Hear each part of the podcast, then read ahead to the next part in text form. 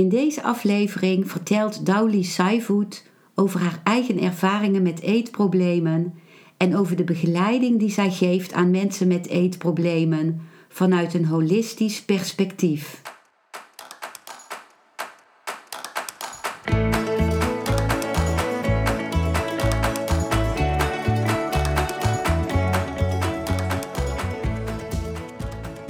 Welkom bij een nieuwe aflevering van Modita's podcast Van Pijn naar Zijn. De podcast waarin ik je meeneem voorbij de pijn in je leven naar wie je diep van binnen bent. Hoe kun je beter omgaan met je gevoelens? Hoe vind je rust in je hoofd? Wat zit er precies achter je pijn? En vooral, hoe kun je steeds meer jezelf zijn? Adem eens diep in en uit. Ik wens je veel luisterplezier.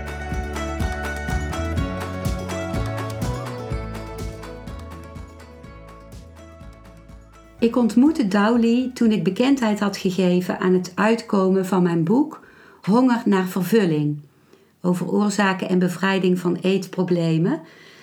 Dat boek eh, is januari 2021 uitgekomen. Ik was onder de indruk van Dowley's pas opgerichte praktijk Puur Zuid in Antwerpen, waar we het later in de uitzending over zullen hebben. En ik heb haar toen uitgenodigd voor een podcast-interview, waar ze meteen ja tegen zei. Het kostbare is dat Dowley zelf met eetproblemen heeft geworsteld en dus ervaringsdeskundige is. En dat zij daarnaast ook op een holistische wijze, Dowley heeft een hele brede therapeutische achtergrond, mensen met eetproblemen begeleidt door hen te helpen de wortels van het probleem aan te pakken. We hebben gisteren een voorgesprek gehad en aan de hand daarvan stel ik haar vandaag mijn vragen. Nou, van harte welkom Dowley bij dit podcast interview. Ik ben heel blij dat jij als ervaringsdeskundige met eetproblemen en deskundige op het gebied van eetproblemen dieper wil ingaan op de achtergronden van eetproblemen en op de weg daaruit. En uh, ik wilde vragen, zou jij jouzelf even voor kunnen stellen? Zeker. Um, ja, waar, waar moet ik beginnen? Hè? Um, oorspronkelijk ben ik, uh, ben ik van opleiding diëtiste. Um, en heb ik me nadien bijgeschoold uh, tot therapeute en coach. specifiek voor eetstoornissen.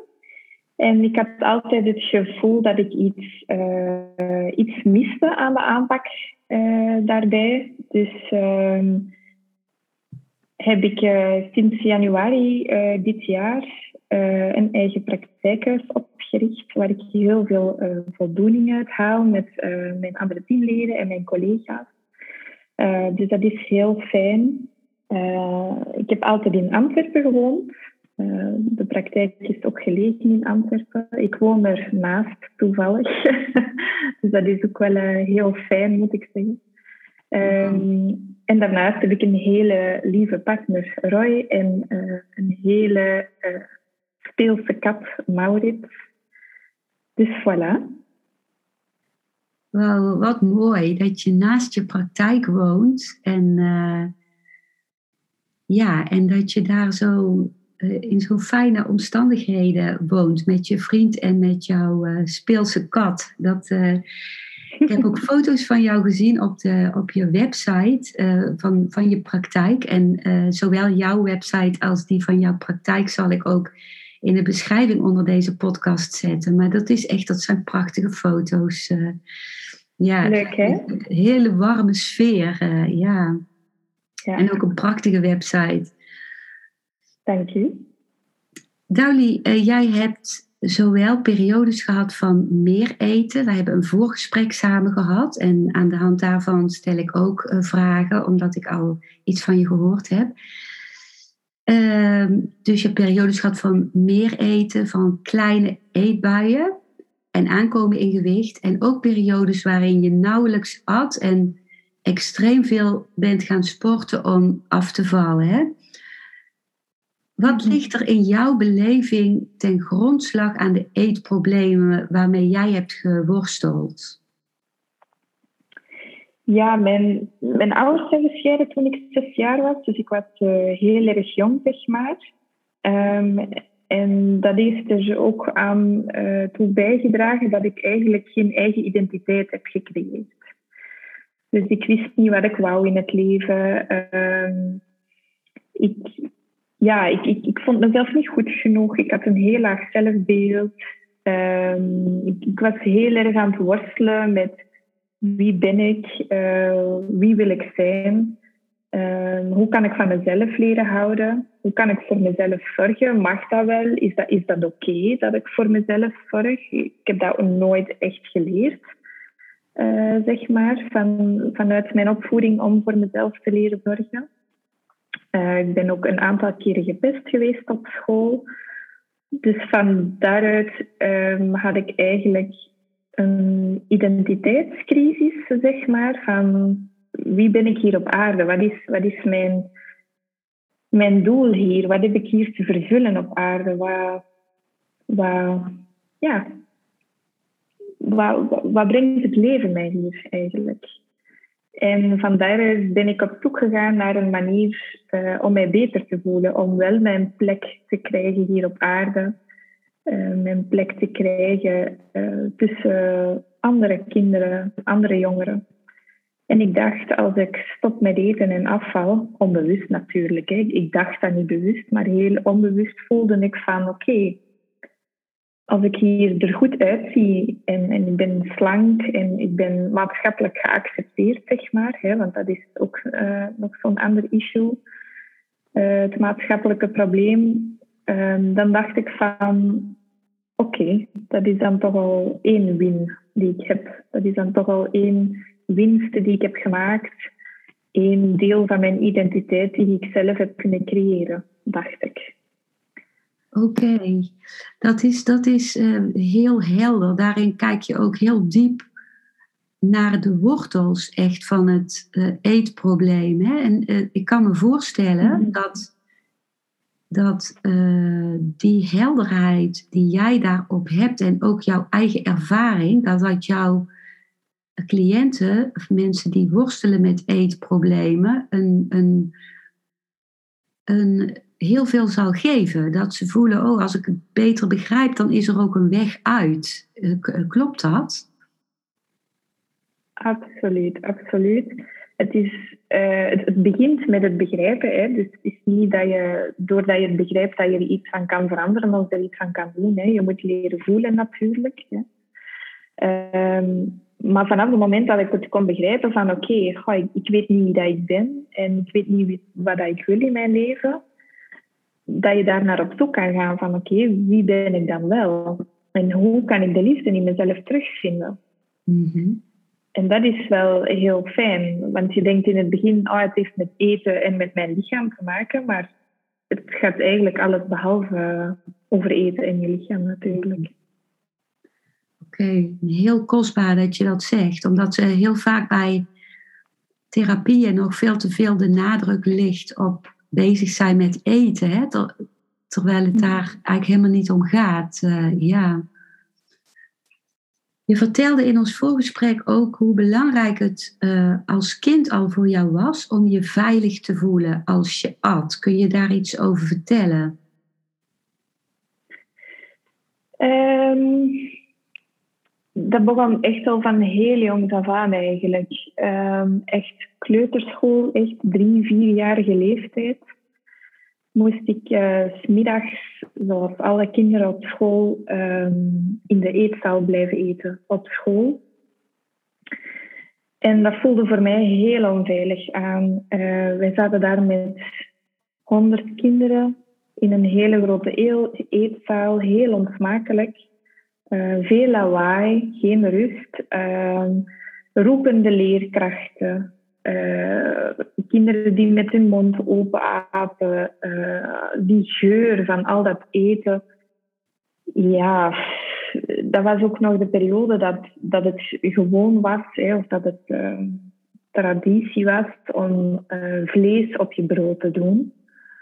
Dus die geur van vlees, daar kon ik ook niet, uh, ook niet tegen. En daar was ook geen ruimte voor. Bij leerkrachten, als ik zei, ik lust dat niet, of, of ik wil dat niet eten, of, of ik voel me niet goed, of ik, ik vind dat vies hier. Dus dat was mijn gevoel van, dat is hier vies. Ik vond alles vies. Daar was geen ruimte voor. Dat was gewoon van, uh, doe niet onnozel, doe niet belachelijk. Uh, wij hebben hier nog andere kinderen ook, waar we onze aandacht aan moeten geven. En met als gevolg dat ik eigenlijk uh, mijn middageten altijd weggooide. Uh, toen besefte ik zelf natuurlijk ook nog niet, uh, niet bewust dat ik niet graag vlees at. En mijn moeder deed vaak vlees op de boterhammen. dus dat heeft er ook aan bijgedragen natuurlijk. Um, maar zelfs dan nog was dat voor mij een, een moment, een, ja, ik kan het niet anders benoemen dan een, een moment van hel. Ik vond dat echt verschrikkelijk, die lunchpauze met die andere kinderen. En met als gevolg dat ik eigenlijk chronisch uh, smiddags niet at. Gewoon niet. Ik gooide mijn eten altijd weg. En niet vanuit het, um, het eetgestoorde stuk, niet vanuit het anorexia stuk, zeg maar. Hè. Dat kan niet op drie, vier jaar. Allee, het zou misschien wel kunnen, maar dat was niet. Maar eerder vanuit, um, ik voel me hier niet veilig en, en ik krijg het niet door mijn maag, dat eten. Dus er werd ook een hele negatieve associatie eigenlijk tussen eten en met andere mensen zijn. Hmm. In dat aspect eigenlijk wel, ja. Ja, hmm. ja klopt. Ja. Oké. Okay. Je vertelde ook dat je in je ouderlijk huis eigenlijk niet echt leerde om gezond te eten. Uh, wat heeft ervoor gezorgd dat je bent gaan voelen wat, wat wel gezond voor jou voelt? Um, tijdens mijn opleiding van diëtiste zag ik eigenlijk in dat mijn uh, eetpatroon alles behalve volwaardig was. Ja, dus wij hebben thuis nooit ontbeten. Uh, mijn ouders die lagen nog te slapen toen ik naar school vertrok. Uh, en zelfs toen mijn ouders mij nog wegbrachten naar school, toen ik uh, heel jong was, kan ik me ook niet herinneren dat ik echt een ontbijt nam. Het enige wat ik toen nam was een grote papfles warme melk. Ehm, en ik denk, oh, dat ik dat heb gedaan tot mijn tien jaar of zo, negen à tien jaar. Dus dat is vrij laat. En als middags niet eten. En dan ja, s'avonds heb je natuurlijk wel uh, behoefte aan voedsel, zeg maar. En dan was het de traditionele kost bij aardappelen, groenten, vlees met saus. Um, en ik besefte toen ik voor diëtisten studeerde van oei, ik ontbijt eigenlijk niet deftig. Ja, ik ontbijt niet eigenlijk. Uh, mijn lunch is ook nooit deftig geweest in mijn leven. Uh, want die sloeg ik ook meestal over, omdat ik het niet in mijn systeem had zitten. Dus toen ben ik langzaamaan uh, gaan zoeken naar, oké, wat werkt er dan wel voor mij? Dan ben ik uh, broodjes op school gaan proberen, ook soepjes. Hè. De momenten dat ik dacht van, oei, ik moet op mijn lijn gaan letten, dan was het uh, soepjes of, of gewoon helemaal niks. Dat gebeurde ook. Maar natuurlijk, daar zit je met allemaal volwassen leerlingen samen, ook in een ja, cafetaria, zeg maar. Dus dat was ook heel erg zoeken naar die veiligheid. Van me niet te hard focussen op wat andere aten daar. Uh, dus ik heb dat wel geleerd in mijn uh, studie. Maar ik had niet het gevoel dat ik het helemaal onder de knie had, zeg maar. Dus op een gegeven moment uh, ben ik mijn, na mijn studies mijn partner tegengekomen. En had hij een, uh, een, quinoa salade voor mij gemaakt op onze tweede uh, date, zeg maar. En ik was daar zo door verrast, door die smaak, dat ik toen ben gaan zoeken naar, oké, hmm, wat vind ik dan eigenlijk wel lekker? Wat, wat kan mij dan wel smaken? Oké, het is blijkbaar en gezond en lekker. Oké. En zo ben ik eigenlijk gaan zoeken naar, naar welke gezonde voeding dat goed was voor mij. Oké. Ik vind het ook wel bijzonder, want volgens mij was dat toen je die date had met jouw vriend, toen hij zo lekker voor je kookte, juist een periode dat je eigenlijk bijna niks at, hè? dat je weer in de anorexia-fase zat. Ja. Uh, ja. ja, klopt. Die combinatie van zorg van hem en liefde en, en dan ook uh, echt iets lekker en gezond uh, maken. Ja, wat mooi. Jij vertelde in ons voorgesprek ook dat uh, de periode tussen jouw twaalfde en dertiende jaar een hele moeilijke periode voor je was. En dat je toen uh, aanvankelijk meer ging eten. Hè? En, en wat, wat gebeurde er in die tijd? Wat, wat voelde je toen van binnen? Ik werd toen op school ook gepest. Uh, dus dat is een, een, paar maanden geweest dat ik toen uh, getest ben geweest. En tegelijkertijd uh, had ik het gevoel dat ik daarover wou praten met mijn ouders, daarover wou reflecteren, mijn, mijn gevoel kon laten zijn. Maar die ruimte was er helemaal niet. Dus mijn ouders ja, waren vooral, ja, om dat heel recht toe recht aan te zeggen, waren vooral met zichzelf bezig, met hun eigen issues uh, bezig. En ik voelde eigenlijk geen beschikbaarheid, geen ruimte voor mijn gevoel. Ik had dat ook nooit geleerd. Van wat is een negatief gevoel? Hoe ga je daarmee om? Uh, ja, mag, mag dat er wel zijn überhaupt?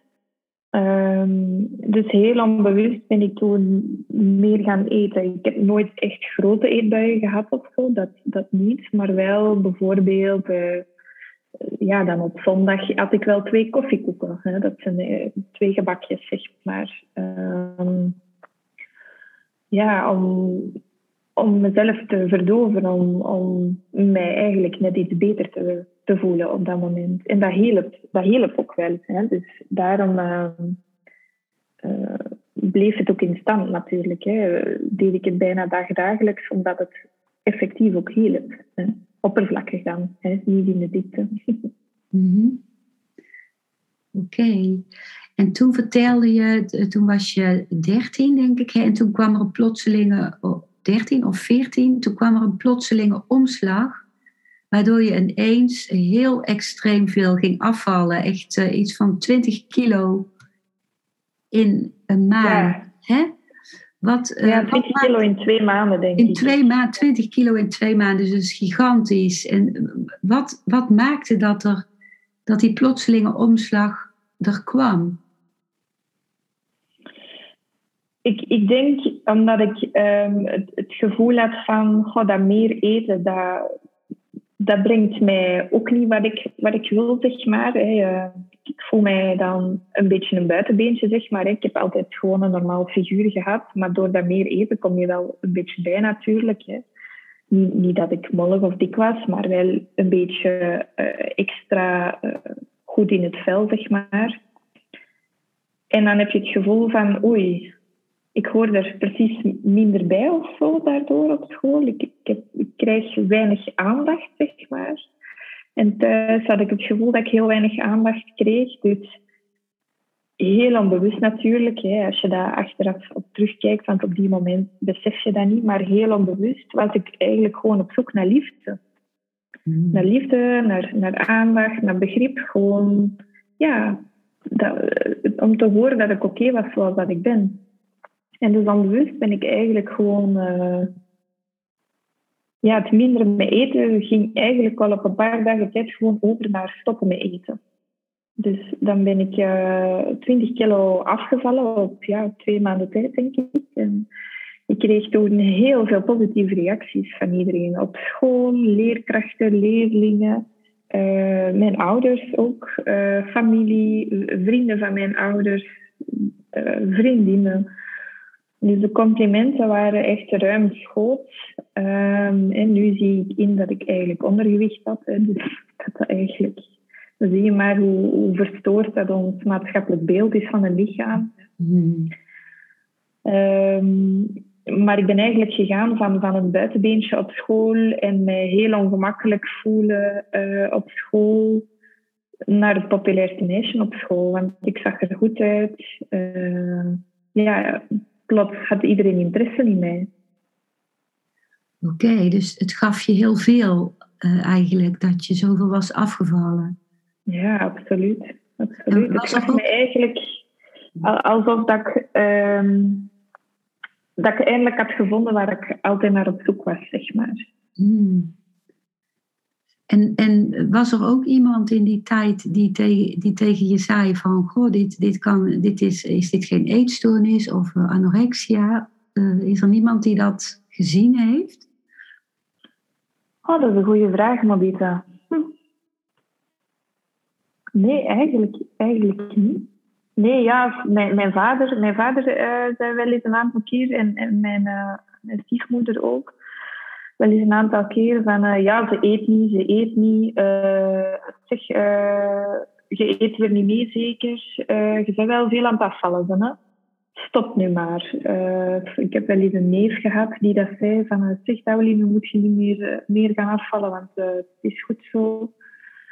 Ehm ja, en toen ben ik ook wel gestopt met nog lager te gaan. Hè. Dus toen heb ik er wel voor gezorgd dat het niet nog lager ging, omdat ik dus toen de complimenten kreeg dat ik goed was zoals ik was. Hè. Dus ik mhm. kreeg wat ik wou horen, zeg maar. Hè. Alleen niet op innerlijk vlak, maar dan op uiterlijk vlak. Oké. En, en wat gebeurde er aan tafel thuis als jij niet at? Um, ja, ik had ook heel vaak excuses dat ik al ergens bij een vriendin had gegeten. Of, uh, ik denk dat op de dag van vandaag dat mijn ouders dat nog steeds uh, niet weten. Alleen er is eigenlijk ook nooit over gepraat geweest, uh, trouwens. Uh, ja, wat gebeurde er aan tafel? Ja, ik uitte dat toch wel hoor. Dat ik angst had voor, voor die saus die mijn moeder maakte of mijn stiefmoeder. Uh, of, of, voor het vettig eten. Of dat ik, ja, ik flipte daar toch wel wat op hoor. Dat ik zei, nee, ik ga dat niet eten.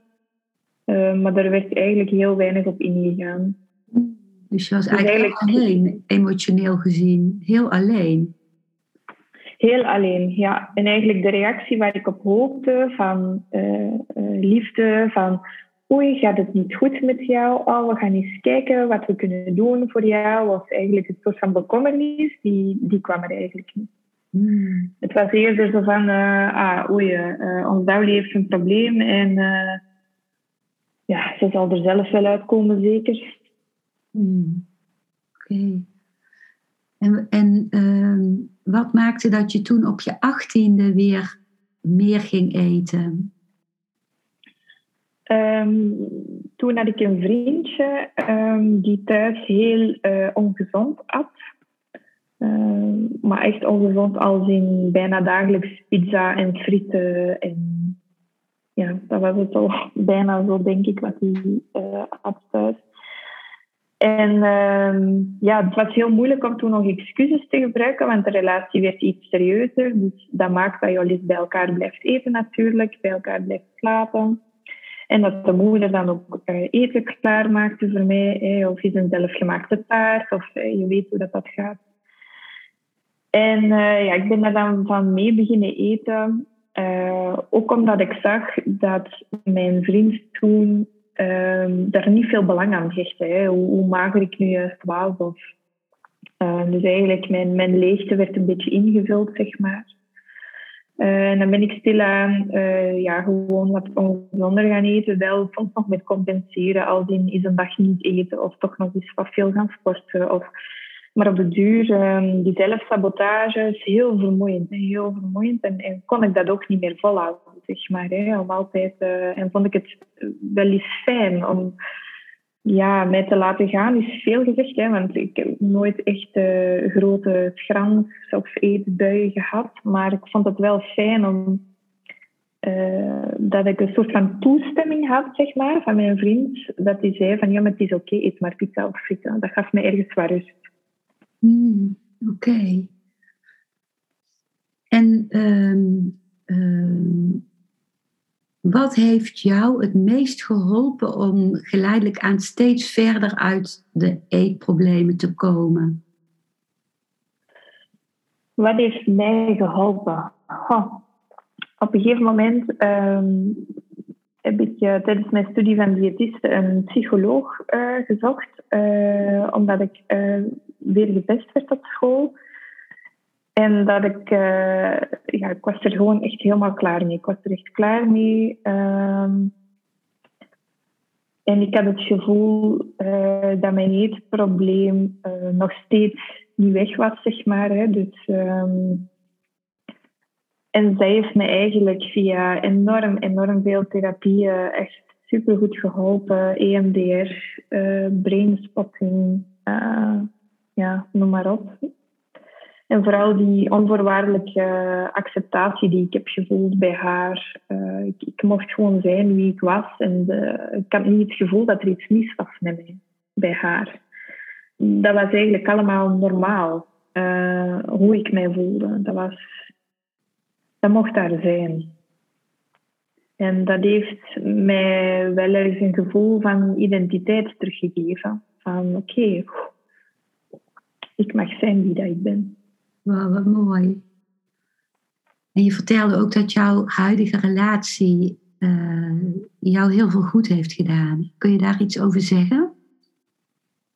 Ja, um, dus toen we elkaar leren kennen, uh, ja, had ik weer een, periode waarin dat ik eigenlijk niet of, of uh, heel weinig at, zeg maar. Uh, en best wel ja, extreem aan het sporten was.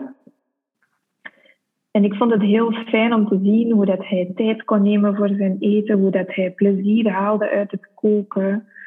Uh, hoe dat hij er ook van kon genieten. Ik heb daar straks al verteld, die eerste maaltijd die hij toen heeft gekookt voor mij, hoe erg ik daarvan genoten had. En uh, dat heeft heel veel uh, inspiratie bij mij getriggerd. Van, hmm, oké, dus eten, kan eigenlijk fijn zijn. Eten kan liefdevol gebeuren. Dus hij was eigenlijk uh, mijn inspiratiebron om op zoek te gaan bij mezelf. Uh, naar oké, hoe, kan ik dat ook voor elkaar krijgen, zeg maar. Mm, wat mooi. En, en wat heeft jou uh, doen besluiten, Dauli, om je te specialiseren in het werken met mensen met eetstoornissen? Toen ik 19 of 20 jaar was, ehm, werkte ik in een soort van, ja, een soort van sportstudio, zeg maar. Uh, uh, waar dat je uh, sportoefeningen doet onder een infraroodlamp. dus daar krijg je het extra warm van. En ik vond dat echt heel leuk om te doen als jobstudent. Ik vond dat een hele leuke job. Maar op een gegeven moment komt er een, een dame naar mij en zij zegt: Ja, mijn kleindochter heeft een eetstoornis. Die is heel veel afgevallen.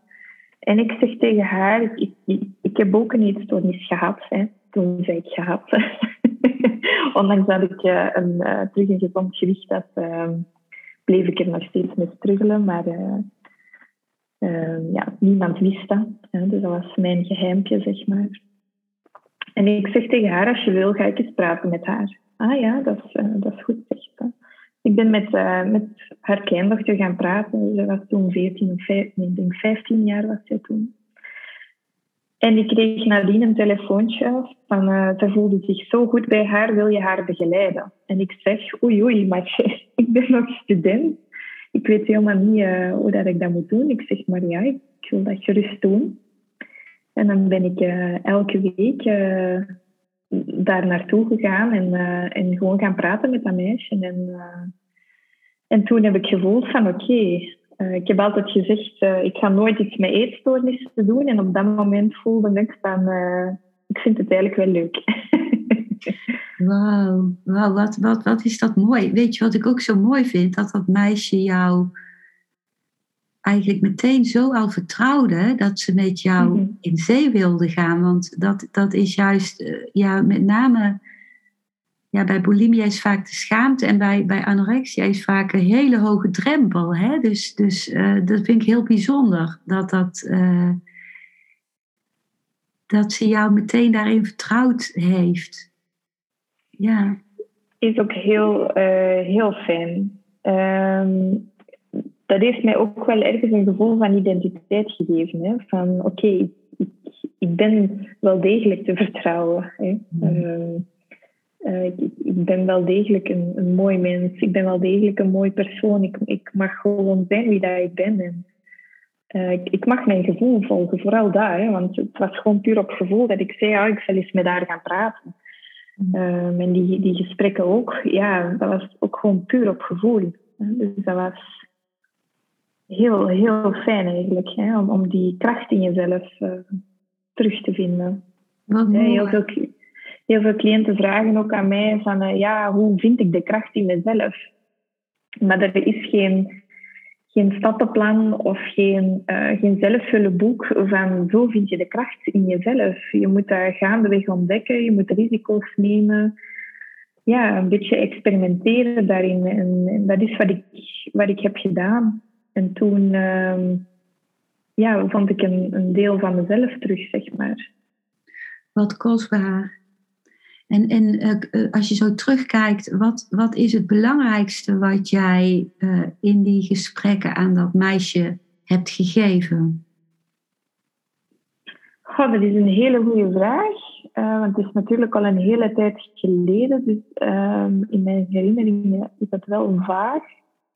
Maar ik denk vooral, ehm, ja, haar, haar ouders stonden erop ook wel dat ze gewogen werd elke keer. Hè. Dat doe ik nu niet trouwens tijdens mijn uh, sessies. Ik, ik, weeg niet. Um, maar was vooral wel, uh, als de ouders er niet bij zaten, zeg maar. Als de ouders erbij zaten, dan ging het over eten. Maar als de ouders er niet bij zaten, om eens dieper te gaan, te gaan horen van oké, waar komt dat vandaan bij haar? Dus ik wist het van mezelf nog niet 100%, hè, waar, waar dat bij mezelf vandaan kwam. Dus dat heeft voor mezelf ook een heel mooi helingsproces uh, teweeggebracht. Intuïtief ben ik toen gaan zoeken naar uh, waar komt het vandaan, hè? dat perfectionisme. Uh, hoe, ja, hoe voelt dat voor jou?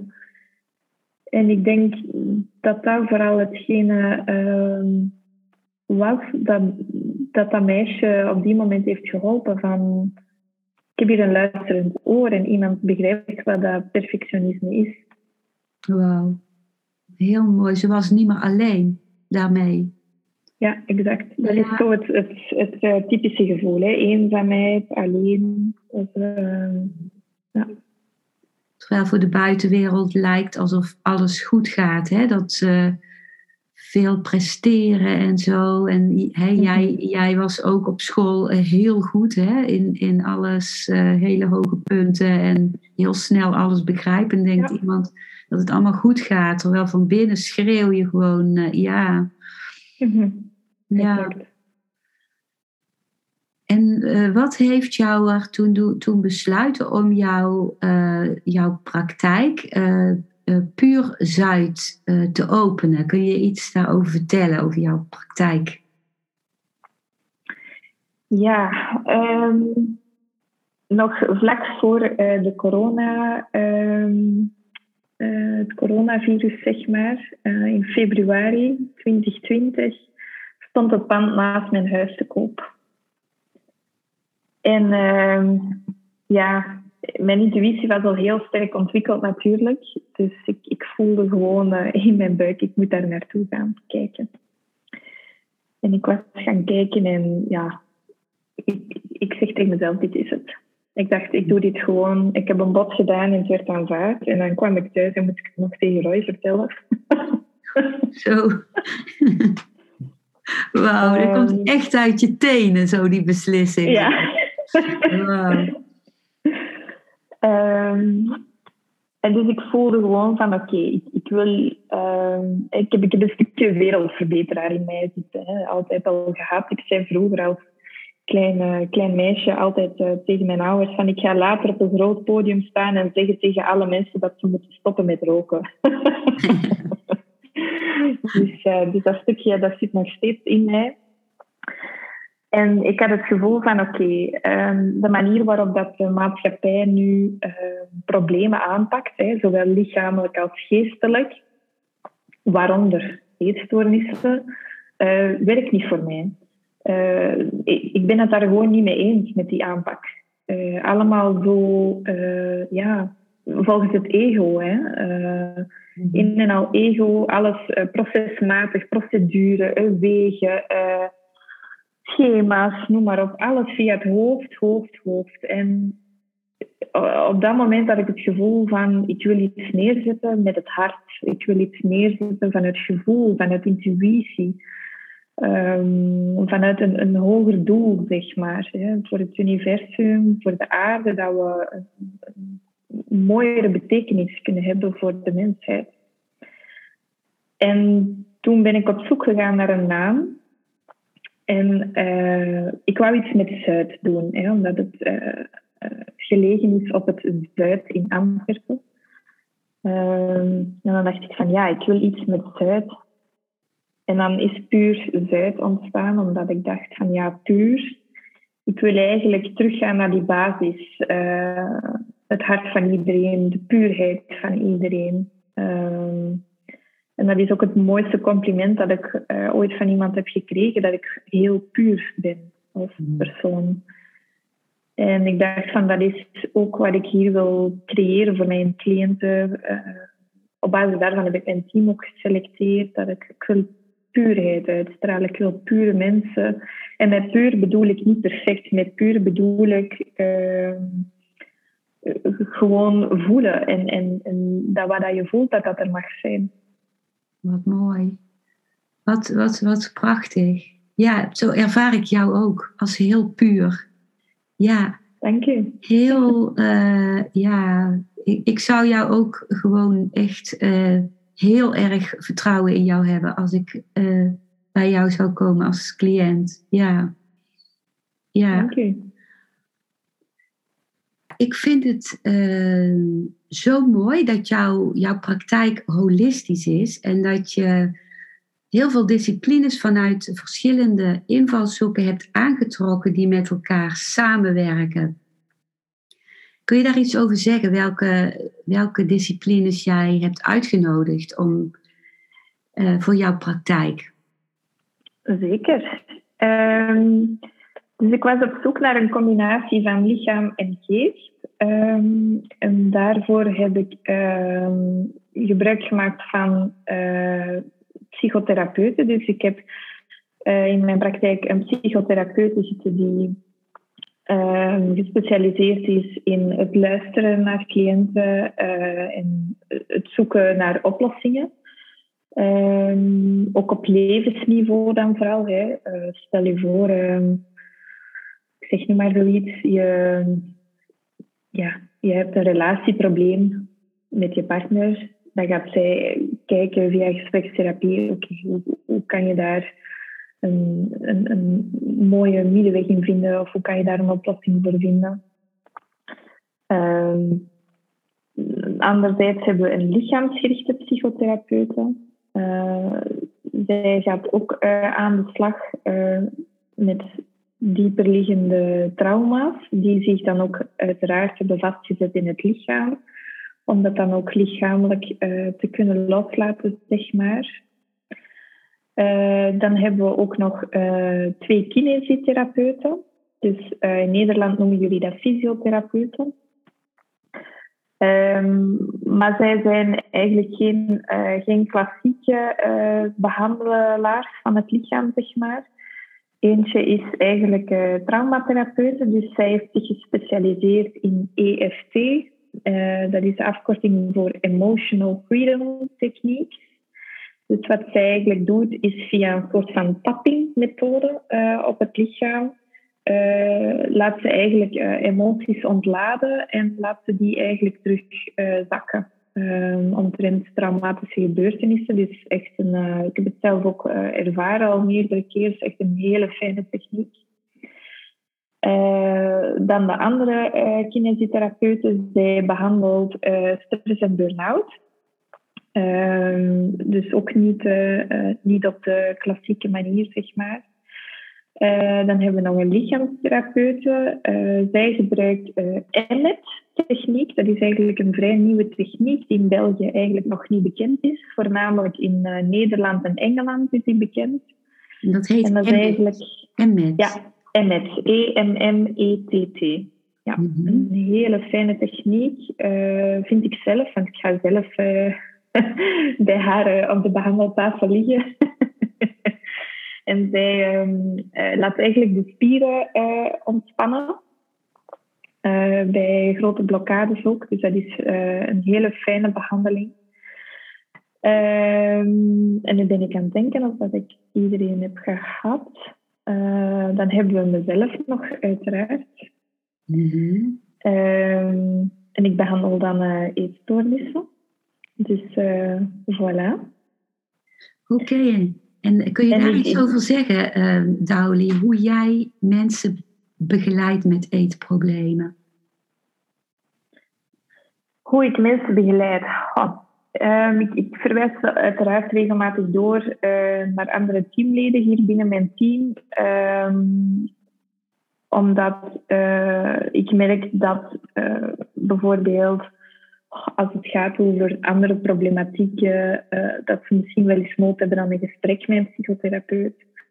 Um, of als het gaat over uh, echte lichamelijke problemen, dat ze ook behoefte hebben uh, om daarmee aan de slag te gaan bij lichaamstherapeuten of bij kinesitherapeuten. Dus dat doe ik allereerst. Dus kijken van oké, hoe kan ik holistisch, hè, multidisciplinair werken hoe kunnen we het, uh, het volledige uh, plaatje aanpakken, zeg maar. Hoe dat ik eigenlijk uh, steeds te werk ga, is, um, is altijd met dezelfde vraag. Ik stel altijd de vraag aan het begin van een sessie, waar wil jij doorheen werken? Omdat dat eigenlijk een heel duidelijke vraag is naar de cliënt toe, waar dat de cliënt aan wil werken. Dus ik ga de oplossing niet geven natuurlijk. Ik, kan de oplossing ook niet geven, want elke ziel is anders, iedereen heeft andere behoeftes. Dus het is, ja, het is, het is heel moeilijk als ik, als ik iets ga aanreiken of, of een, een oplossing ga bieden. Dat, dat, kan ik niet. Ik zeg ook altijd, advies werkt niet. Omdat, ja, mijn moeder die zegt ook dat ik elke dag moet stofzuigen, maar ik doe dat ook niet. Hè. ik heb een robotstofzuiger omdat ik, eh, omdat ik niet graag stofzuig. Dus. Goed opgelost. dus um, advies probeer ik echt gewoon niet te geven en ik probeer het vanuit de cliënt uh, te laten komen, de oplossing. Dus daarom is dat altijd mijn eerste vraag. Hè, waar wil je doorheen werken? Uh, en dan brengen ze gewoon die sessie een thema aan. Hè. Bijvoorbeeld, goh, ik wil werken aan het overgeven vandaag. Of ik wil werken aan de eetbuien. Of ik wil werken aan uh, meer eten. Of aan bijkomen. Of, het maakt niet uit. Of misschien willen ze werken aan hun perfectionisme. Of, uh, of misschien willen ze werken... Ik krijg die vraag ook wel heel dikwijls van... Hoe ga ik ermee om richting mijn partner? bijvoorbeeld dus afhankelijk van wat dat ze aanbrengen in die sessie, gaan we daar dieper op in. En de technieken die ik gebruik um, is, is onder andere uh, NLP, neurolinguistisch programmeren. Um, maar ik uh, gebruik de nieuwe versie, de HNLP. Dat is eigenlijk de human, humanistic, de menselijke vorm van uh, NLP.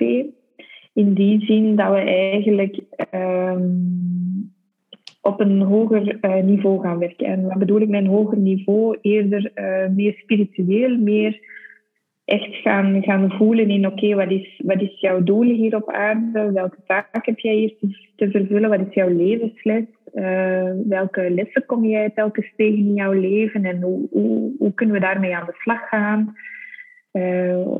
welke gevoelens brengt dat teweeg bij jou? Wat doet dat met jou? welke trauma's zitten daar rond? Uh, dus toch gaan we eigenlijk aan de slag met uh, vaak oefeningen vanuit de NLP. Anderzijds werk ik ook met meditaties. Um, uh, of zelfs helingsprocessen waarin dat we dan aan de slag gaan. Um, ik werk ook wel een beetje lichaamsgericht. Um, omdat ik vind met eetstoornissen dat gewoon onvermijdelijk. Je moet dat lichaam er gewoon in betrekken. Hè. Als je angst voelt om meer te eten, oké, waar voel je dat in je lichaam, die angst? Hè? Je lichaam geeft duidelijk een signaal daar rond. Ehm, ik werk ook een stukje met ACT, uh, Acceptance and Commitment Therapy.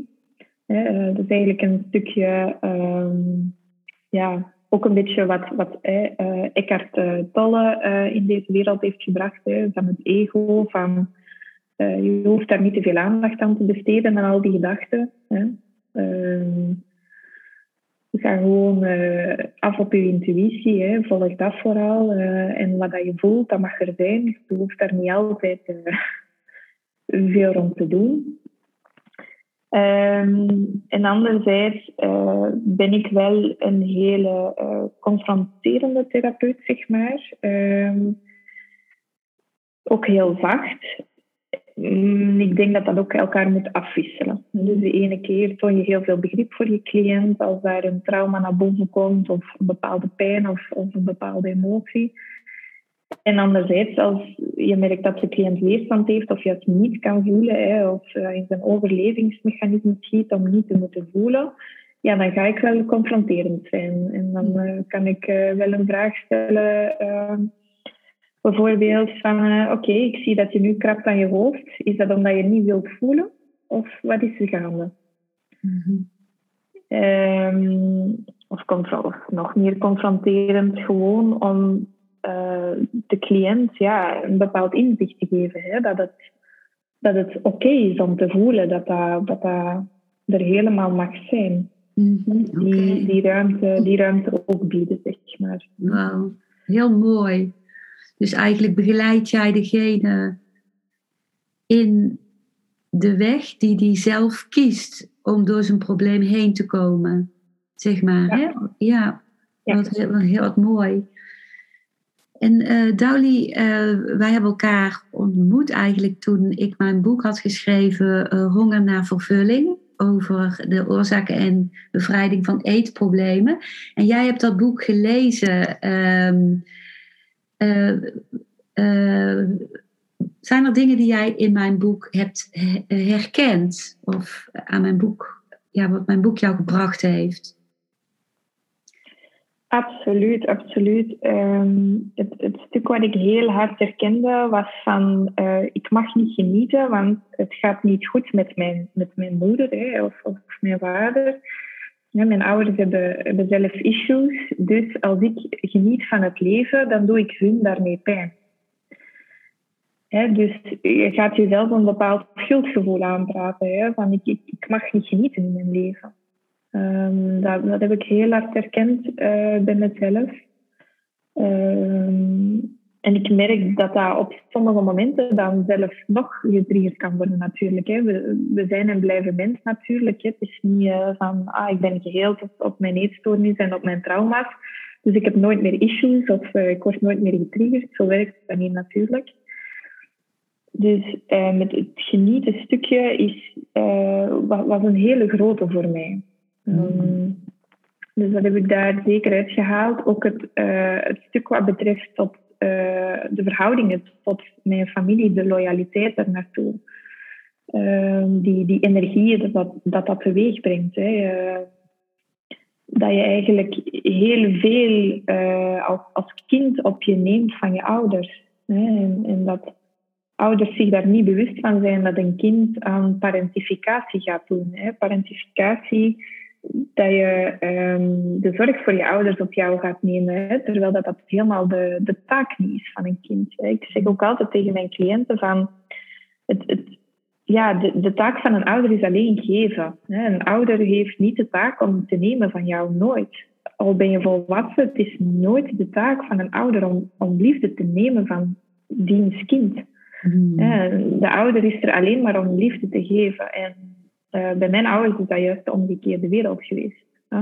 Mm. Dus ik had het gevoel dat ik hun liefde moet geven en dat ik er was om hun uh, gebrek aan zelfliefde op te vullen. Mm. Dus dat ik, ik, ik moest hun redden, zeg maar. Hè? Ik moest er zijn voor hun, ik moest luisteren naar hun.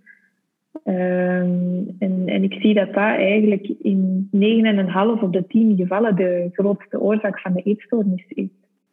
Ja, ja. Wauw, dankjewel uh, voor dit uh, te delen. Um, Dauli, werk jij ook online met mensen? Ja, uh, ik werk ook online.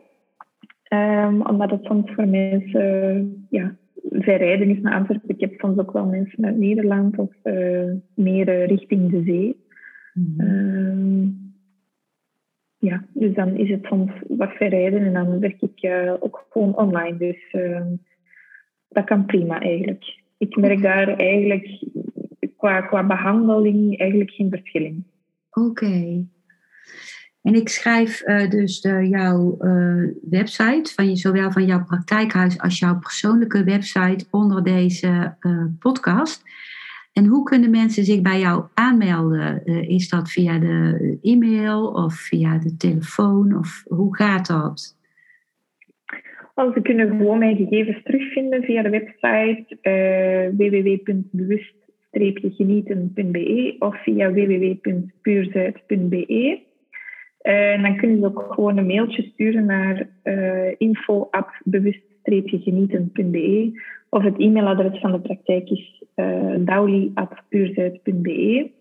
Maar wat eigenlijk nog veel handiger werkt, is als je op de beide websites gaat kijken, is dat ik een uh, uh, online afsprakensysteem heb. Dus ze kunnen gewoon zelf kijken in mijn agenda uh, welke plekjes dat er vrij zijn voor een afspraak. Dus dat is uh, okay. laagdrempeliger en dan hoeven ze niet altijd direct hun problematiek per mail te leggen, want dat is misschien soms ook niet zo fijn. Oké. En je, uh, je zei dat je uh, nu al, te, ook al is jouw praktijk pas zeven maanden geleden opgericht, nu al wachtlijsten hebt. Hè? Zoveel mensen melden zich bij jou aan. Hoe, hoe groot zijn de wachttijden op dit moment? Op dit moment valt het heel goed mee, omdat het zomervakantie is. En dat er best wel wat mensen op vakantie weer trekken en zeggen van, goh, ik kom wel terug in september dan. Ehm, dus, dus ik vind dat eigenlijk wel fijn, eerlijk gezegd, want dat geeft wat ademruimte. Ja, ja, ik begrijp het. En uh, voor de luisteraars die later luisteren naar deze podcast, het is nu uh, uh, juli, eind juli 2021. Dus je kunt altijd contact opnemen en er zijn dus ook periodes dat de wachttijden kleiner zijn. En ja, ja het, het, het, maximale aantal wachttijd is denk ik ja, een tweetal maanden zoiets. Oké, oh, dat valt vergeleken met, de, met de reguliere uh, uh, instellingen nog heel erg mee eigenlijk dan, hè? Ja, exact. Ja. En alleen, ik probeer ook vaak naar mijn collega's aan eerst door te verwijzen. Hè. Als, als zij eerder plek hebben, dat mijn cliënten daar al bij terecht kunnen. Oké, dus, dus, ze kunnen al heel vrij snel uh, terecht uh, bij, bij je in jouw praktijk. Puur mm Zuid. Dat proberen we wel, ja. Oké. Nou, uh, Dauli, ik wilde jou nog een laatste vraag stellen. En dat is, wat is de belangrijkste boodschap die jij mensen met eetproblemen mee zou willen geven, die nu in je opkomt? Um, in mijn beleving um, is, is een eetstoornis een, een, hele, een, een hele mooie, um, een heel mooi geschenk om op zoek te gaan naar, uh, naar jezelf. Een, een heel mooi geschenk voor een, een spirituele ontwaking, zeg maar. Om, om bewustzijn te creëren in, in, uh, in de wereld, in jezelf. En eh, ik, ik zou zeggen van de mooiste boodschap die een eetstoornis kan brengen is vind je ware zelf. Wauw, heel mooi. Heel mooi. Ja, dat ga ik ook verwerken in de titel van de podcast. Dat vind ik echt uh, heel mooi. Ja, prachtige boodschap. Die, die, waar ik me ook vanuit mijn eigen eetstoornis uh, volledig gezien helemaal achter kan scharen. Ja, ja absoluut. Nou, Dauli, ik wil jou ontzettend bedanken voor dit kostbare en rijke interview. Voor, voor het prachtige wat, wat jij op het podium, wat je nu hebt gecreëerd, deelt. Ja. ja. Heel graag gedaan, met uh, heel veel uh, liefde en toewijding gedaan. Dank je. Dank je wel voor het luisteren naar deze aflevering. Ik hoop dat hij je een nieuw inzicht of perspectief heeft gegeven. Ik hou van interactie, dus als je iets wilt delen, stuur me dan een mailtje op info.genietenvanmeditatie.nl. Ik geef je dan altijd antwoord. Ik wens jou dat je vreugde in het dagelijks leven zult ervaren en innerlijke rust. En dat je steeds meer je pijn zult kunnen omvormen in zijn. Je kunt de afleveringen van deze podcast volgen via Spotify, Google Podcast, Apple Podcast en Podbean door op de volg- of abonneerknop te klikken.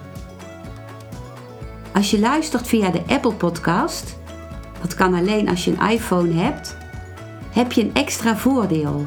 Omdat als je op de knop abonneren klikt, je steeds een berichtje op je mobiele telefoon ontvangt als er weer een volgende aflevering van mijn podcast verschijnt. Je bent van harte welkom bij die volgende aflevering.